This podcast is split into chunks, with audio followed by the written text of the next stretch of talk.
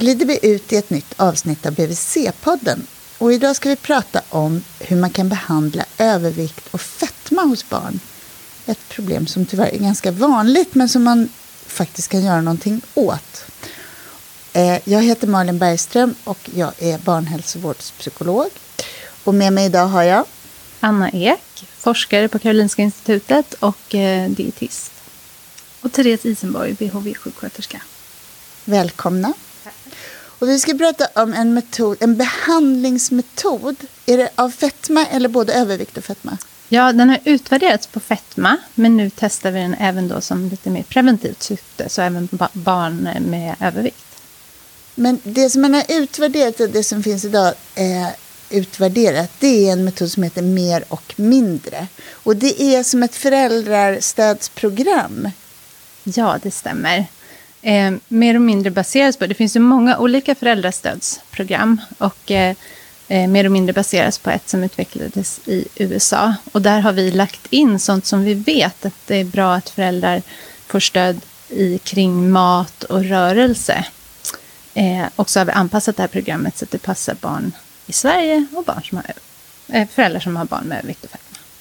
Och hur stort är det här problemet? Hur många barn har övervikt respektive fetma? Ja, i de här unga åldrarna, alltså fyra års ålder, så var den senaste rapporten ungefär 9 procent av barnen har övervikt och ungefär 2 procent har fetma. Så det är ganska många barn? Det är ganska många och det är framförallt så att det är fler barn i de lite mer utsatta områdena som drabbas. Vet man någonting om varför det ser ut så? Eh, det Fetma är ju en väldigt komplex sjukdom, så den har många olika orsaker. Så vi vet inte riktigt varför. Men många gånger så är eh, de samband man ser det är utbildningsnivå hos föräldrar. Det kan också vara vilken kultur man kommer ifrån. Man har lite olika syn på det här med eh, hur runda barn ska vara. Ehm, så det är väl det som man ser de starkaste sambanden. Och sen är det också så att det finns ett samband eh, mellan, rätta mig nu om jag har fel, men det finns ett samband mellan både övervikt och fetma hos barn vid fyra års ålder och att senare i livet ha kvar den sjukdomen? Ja, framför allt om barnen har fetma. Att man ser att, eh, eh att det finns kvar senare i barndomen. Och har, ju senare i, i barndomen som du har övervikt och fetma, desto större är risken att du har med dig den eh, när, sen när du går in i vuxenlivet. Hur ser det ut om man är yngre än fyra år och har fetma? Är det också ett samband uppåt? Det är inte lika stort, så att man ska vara lite försiktig med eh, att prata om eh, eh, fetma allt för tidigt hos barn. För eh, det är ju också många barn som växer ur eh, sin mullighet. Däremot så vet vi att i det samhället som vi har idag så är det svårt för föräldrar att komma till rätta med, eh, med barns höga vikt. Så att ge dem lite extra stöd, även om barnet bara är två år, och få lite extra stöd kring det där. Vad var det som var bra för barn att äta och hur mycket skulle de röra på sig? Och, eh, det här med skärmtid, det, det är ju inte skadligt, utan det är snarare sånt som vi kan hjälpa de föräldrarna med också. Och du Therese, du har gått den här utbildningen till gruppledare inom Mer och mindre, eller hur? Ja. Berätta om hur var utbildningen och varför valde du den och så? Ja, alltså det var, den var väldigt lärorik. Eh, det var fyra intensiva dagar. Vi hade superkul. Och, eh, var det bara BHV-sjuksköterskor som gick? Ja, nej det var det inte. Det var lite blandat faktiskt. Det var några dietister. Mm, dietister och eh, sjuksköterskor som jobbar på barn, en barn och ungdomsmedicinsk mottagning. Ja. Så vi, vi, det var ju väldigt intressanta diskussioner. Eh, så. Och det var faktiskt så att jag blev anmäld av min chef, men eh, hon... För det, det, är så, det området som jag jobbar har vi inte liksom underlag för att starta grupper kanske för barn med de här problemen. Eller för föräldrar.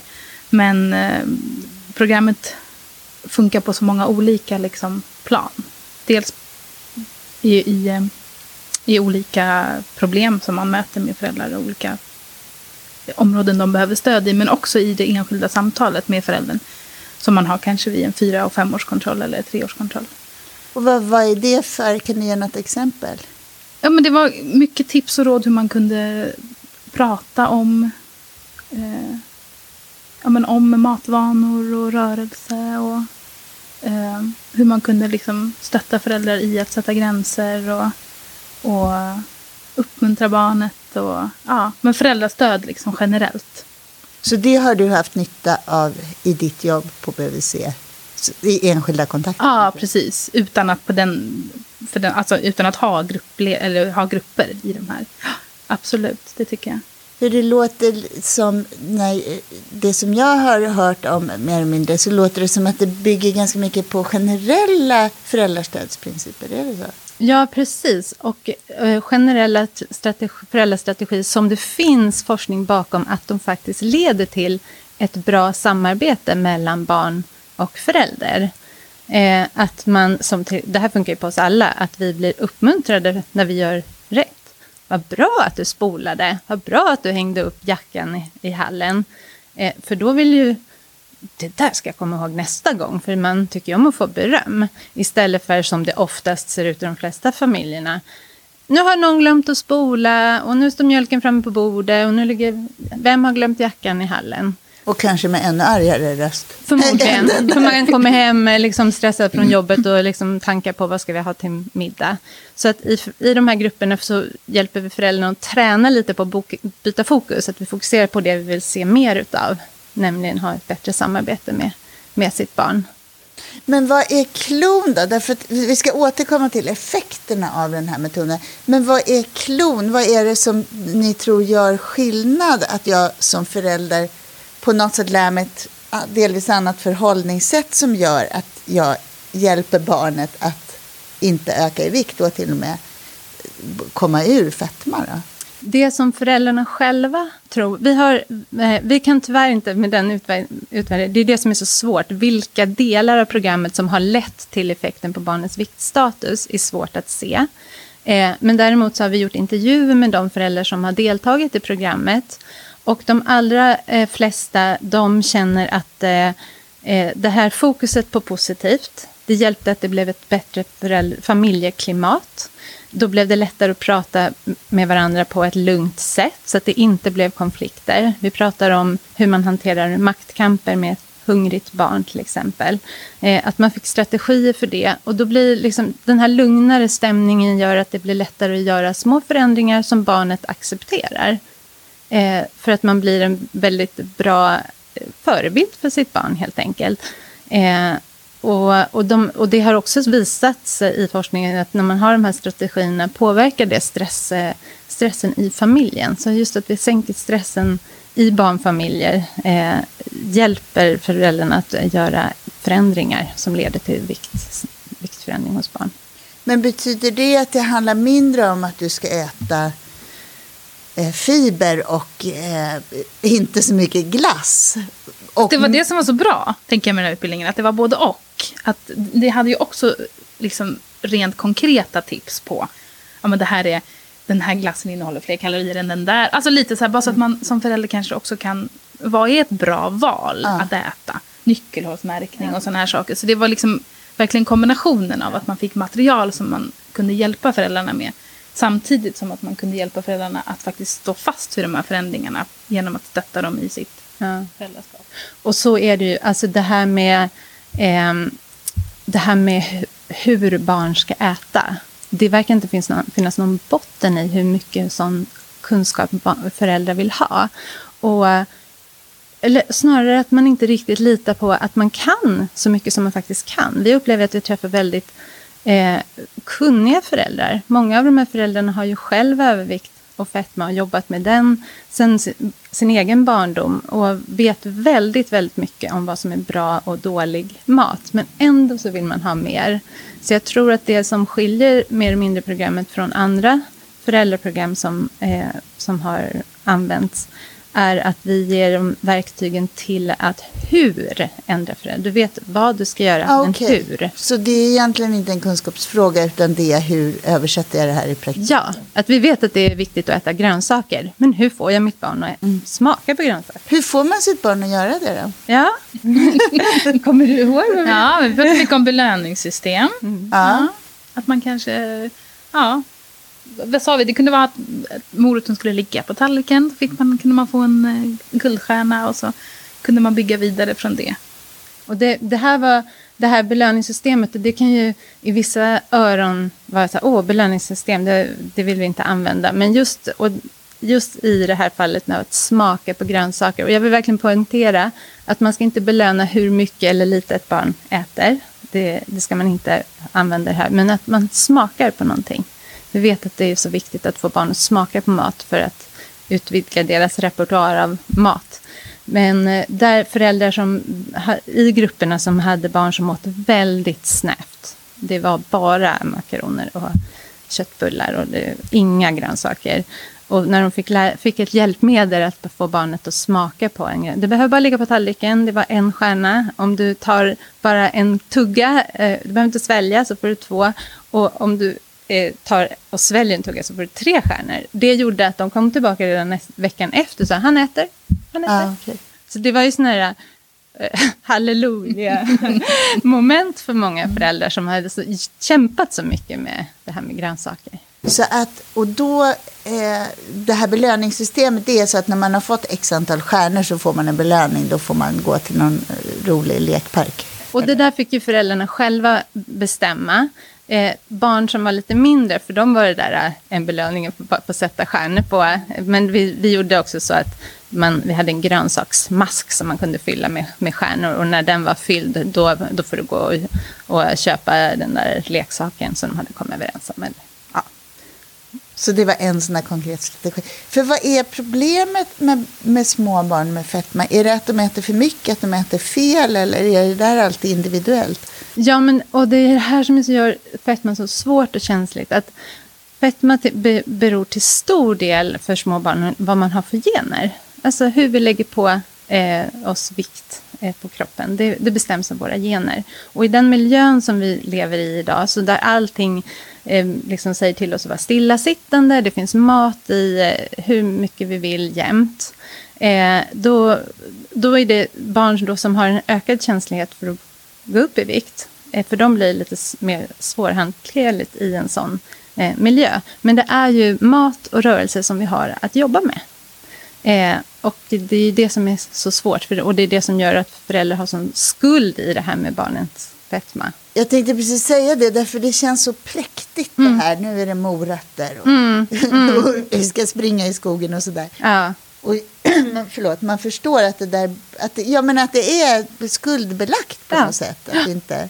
Och det är så synd, därför att det är inte ditt fel att ditt barn har fetma. Det är jätte, har man den här känsligheten så är det jättesvårt. Och i de här åldrarna, jag menar, vem tycker inte om att ge mat till ett matglatt barn? Vi bara älskar det. De får, de får jättemycket eh, uppmärksamhet på förskolan och så. Och sen ser jag plötsligt vid sex års ålder så var det så här, oj, nej men nu väger du alldeles för mycket. Nu får du inte Eh, äta så här mycket. Så många gånger handlar det om, dels, man kan äta fel, men då är det, det är lättare att rätta till att vi, ska, vi äter lördagsgodis istället för att vi äter godis flera gånger i veckan. Eller vi slutar att eh, vi dricker bara vatten när vi är törstiga istället för mjölk och juice eller vad det kan vara. Men ett matglatt barn som bara tycker om att äta mat och vill gärna ha två, tre, fyra portioner, det är svårare. Det verkar gå emot någon sån där grundläggande föräldrainstinkt och få dem ja. att växa liksom. Ja. Och säga nej till ett barn som säger att de är hungrigt. Men i den här metoden mer eller mindre ingår det då att man ska säga nej till ett hungrigt barn? Ett hungrigt barn som har, eller ett barn som säger att är hungrig men den har redan ätit en rimlig portion. Då kan du säga, jag tror inte att du är hungrig utan du är sugen. Eh, eller att du, du behöver göra någonting annat. Och då kan man ju avleda det barnet. Kom, vi går och läser den där sagan nu. Eller vi går ut en sväng. Eh, är, eller är det så att du är mer hungrig så kanske erbjuda barnen en sån här äppelklyfta. Till exempel. Så att, var det, det här, det här väldigt konkreta till det som var så positivt för dig? Men det var det, absolut. Jag, jag tänker att eh, hela programmet var ju också uppbyggt på att vi fick ju liksom, låtsas att vi var föräldrar. Eller vad man ska säga. Så att man hade ju så riktiga diskussioner som, som föräldrar ja, jag, jag, hade liksom, jag var mamma i den här gruppen och jag hade ett barn. Eh, och så kunde man ha de här diskussionerna. Så att de här sakerna kom ju upp. Och så diskuterade man sig fram till hur man kunde, men olika sätt att lösa det. Och eh, som faktiskt, eh, det blev ju väldigt verkligt eftersom vi var ju mammor och pappor allihopa som satt där liksom, eh, med våra barn.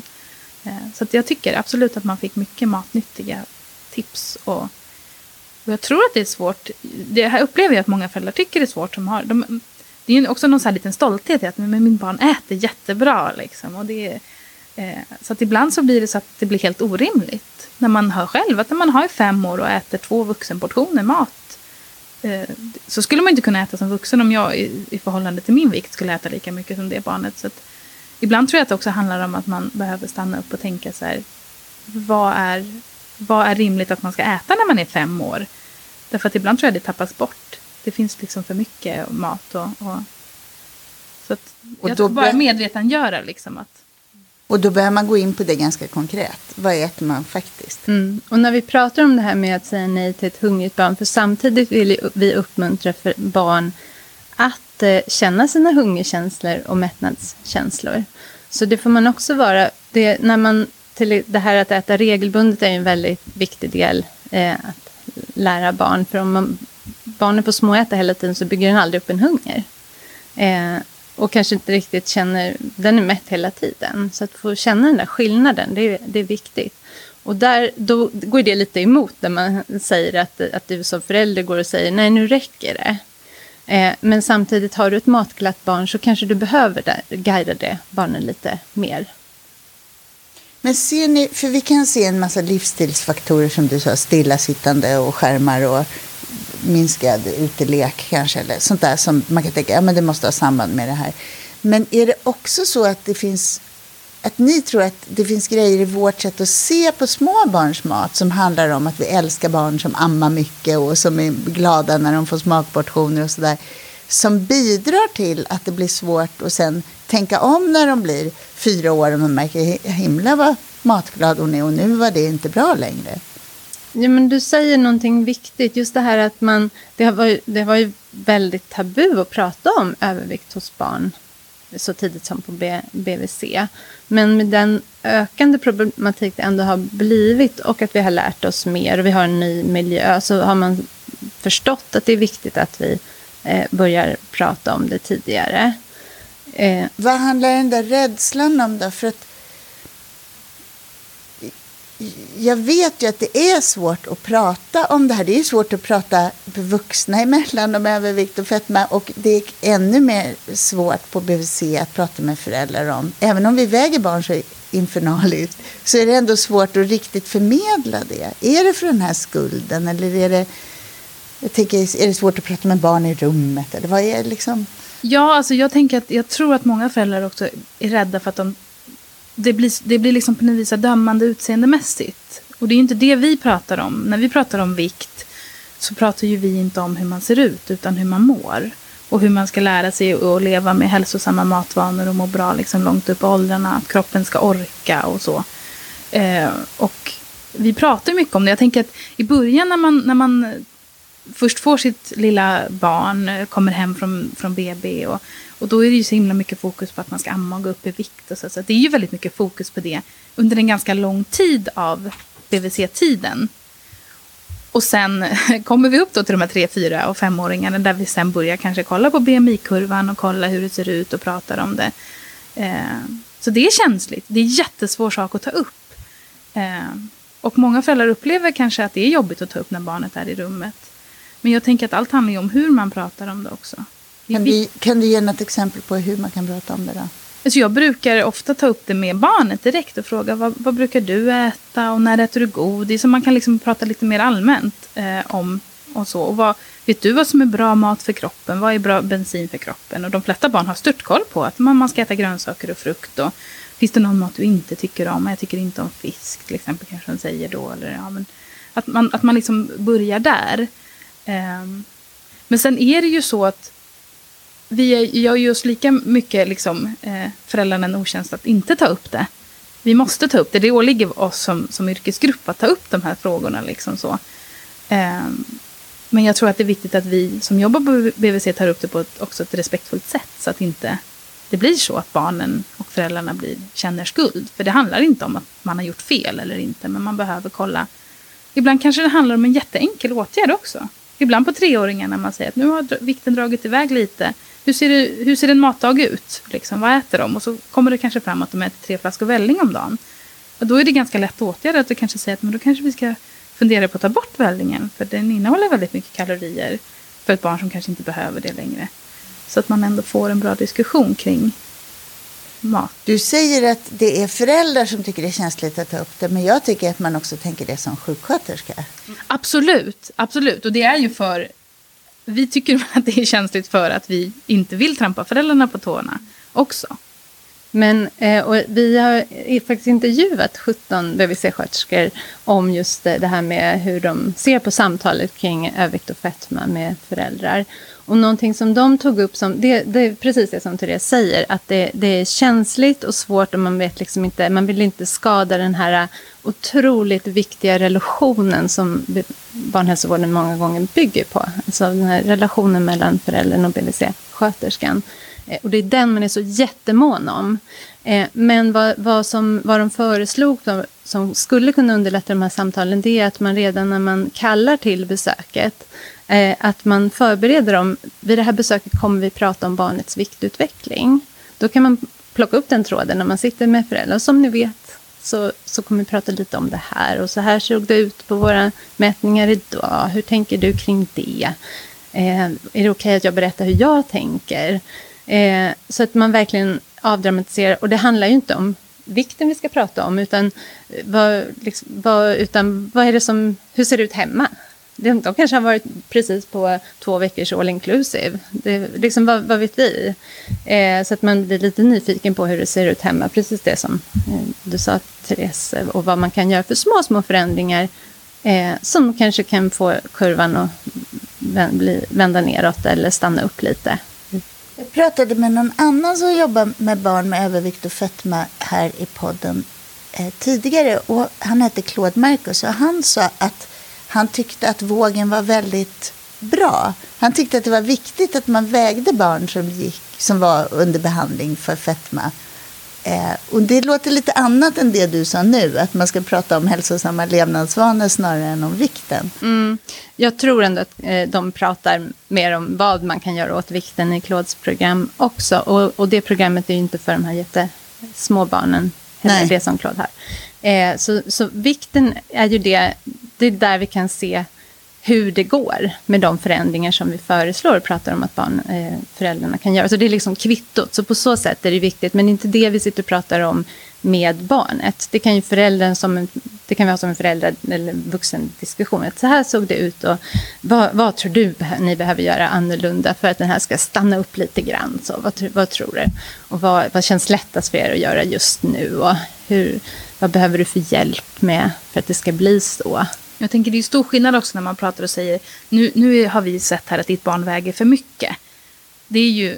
Eh, det, är ju, det finns ju andra det är normativt. Kan, ja, men det finns ju andra sätt man kan säga det på. Nu, nu, nu har, ser vi att nu har kurvan gått upp lite, lite här. Så nu, och jag tänker att när man pratar med eh, föräldrarna barnet är i rummet att man kanske visar kurvan snarare än säger att nu visar det här BMI att barnet har övervikt och fetma. Eh, att man kan välja sina ord. För det har man en femåring som de har ganska stora öron och de förstår väldigt mycket och man vill inte som sagt att fokus ska bli på fel sak. För det handlar inte om att man väger för mycket utan det handlar om att man ska ha en hälsosam kropp. Liksom. Ja, och hälsa, för att det är så viktigt att det inte heller blir, vi pratar inte om elefanten i rummet, för det känner ju barnet då, att nu är det något fel på mig. Det är det ju inte. Utan vi, vi ska bara hjälpas åt här för att se vad vi kan göra för att, eh, alla, för att du ska fortsätta må bra. Men du sa tidigare, Anna, som jag tyckte var bra, du sa att, att fetma är en sjukdom som barnet har. Mm. Och då låter ju det som någonting som inte skulle vara så svårt att säga inför ett barn heller. Nej, man kan ju säga att det, det som är svårt med fetma just det är att den, den ändrar, när du går ner i vikt så ändrar utseendet och då blir fokus på att det på något sätt har med hur man ser ut att göra.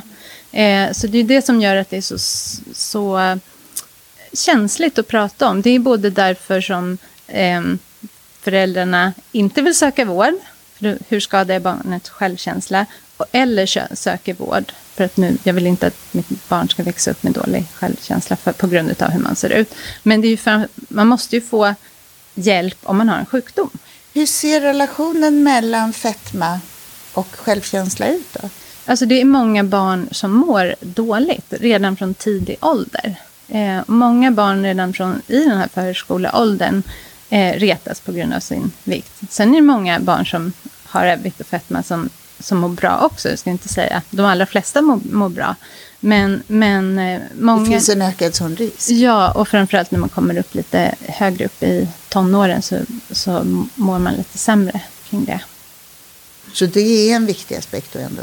Det är ändå en viktig aspekt att eh, ha i åtanke. Och liksom, det är därför det är viktigt att vi ger ett tidigt stöd. För vi vet att barn utvecklar vanor. De lär sig sina eh, levnadsvanor tidigt. Och det är därför vi vill gå in tidigt. Så man hjälper föräldrarna att få bra vanor tidigt som de, barnen kan bära med sig. Under, och då har de bättre verktyg att använda sig, använda sig av när föräldern inte är med. Så fort de börjar skolan och är mer med kompisar och sådär, då måste vi involvera ja, barnet mer. Barnet. Då måste de, hur var det jag skulle göra? Så här gör vi hemma, det är nog bra.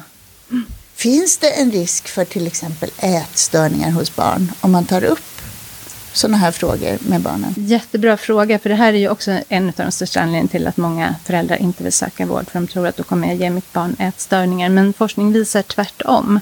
Det, det finns ingen risk med att barnet får ätstörningar och det dessutom kan vara skyddande.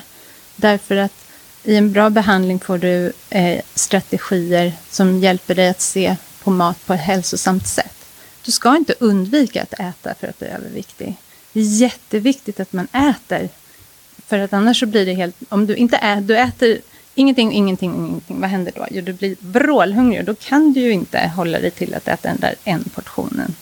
Så jätteviktigt att fortsätta äta. Man ska äta regelbundet och i lagom portioner. Den här metoden har effekter, så ni berätta om den. Vilken, vilka studier har man gjort och vad, man, vad har det för effekter?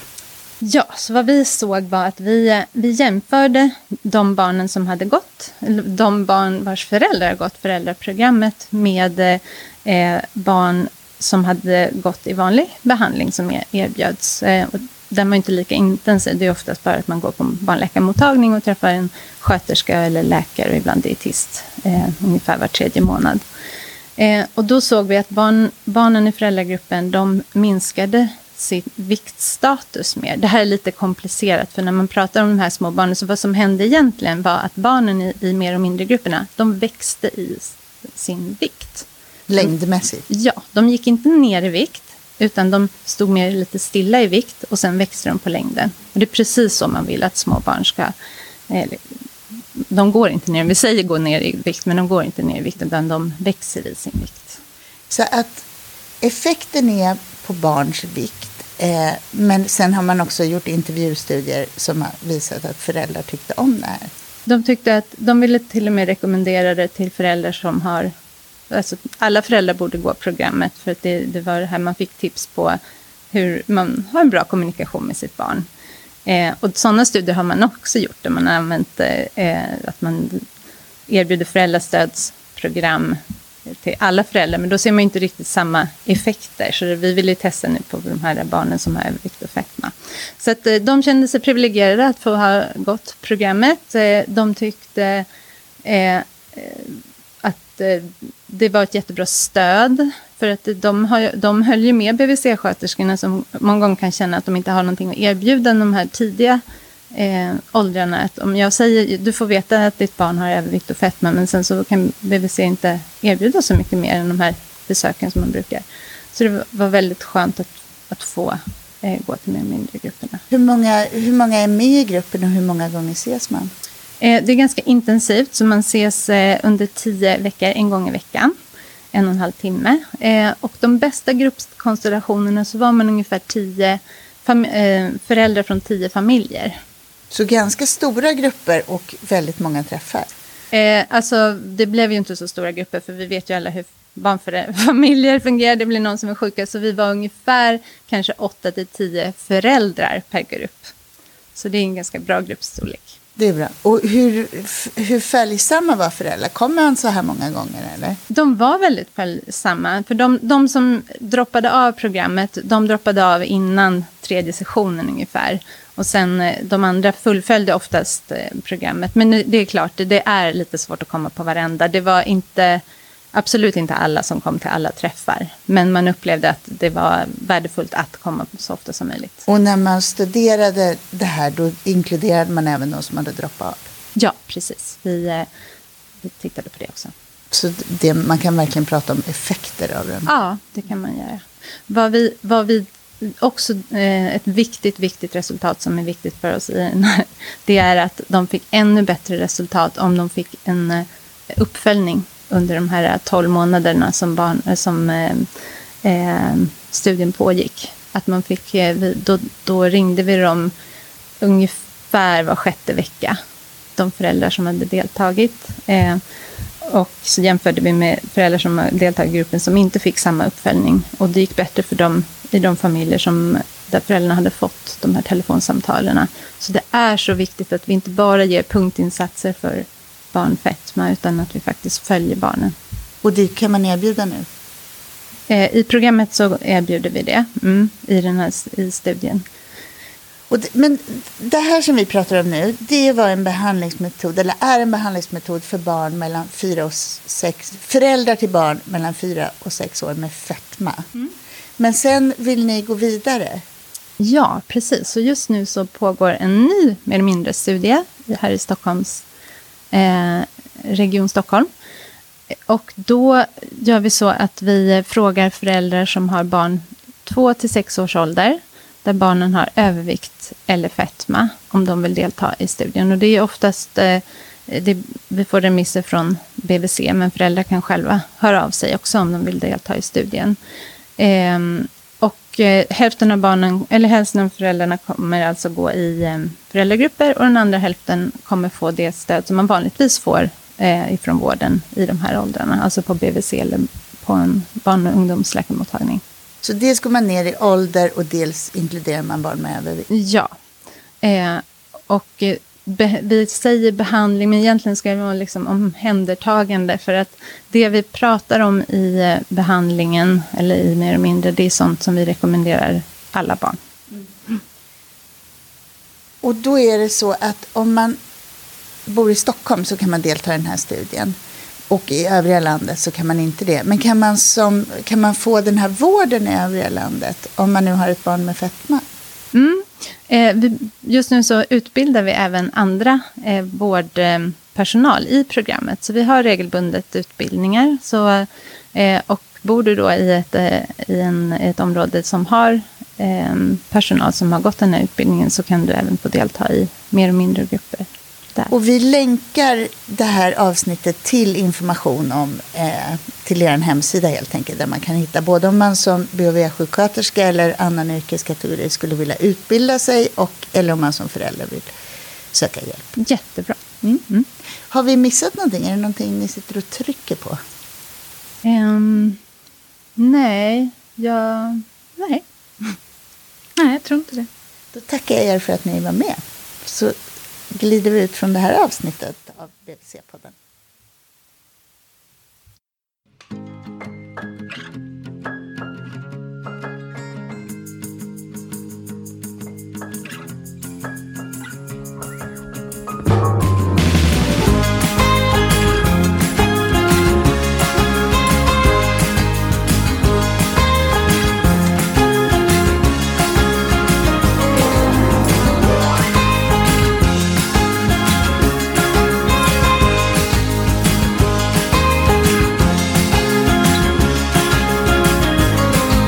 Ingen vet var ni ska gå.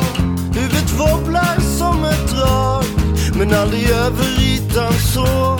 Ett på djupet neverending slag. När era radiostyrda röster ömsint kittlar min fantasi. Flipper spelas under impulserna för mitt självbedrägeri. När ni skjuter ut er i natten finns det inget av mig kvar. Alla döda ögonskratten Bara vakten minns vem som var När ni cementerar kvällen? Är det utan min frenesi? Den somnade eternellen. Vaknar aldrig mer till liv. Ut i natt.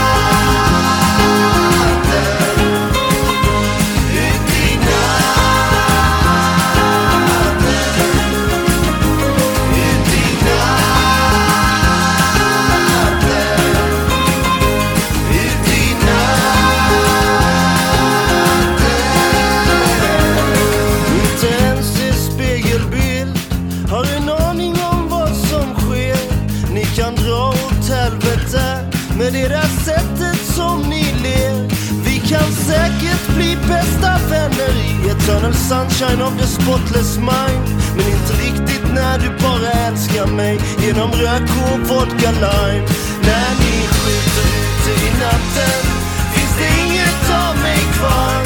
Alla döda ögonskratten, bara vakten minns vem som var. När ni cementerar kvällen är det utan min frenesi. Den insomnade tunneln vaknar aldrig mer till liv. Ut i natt.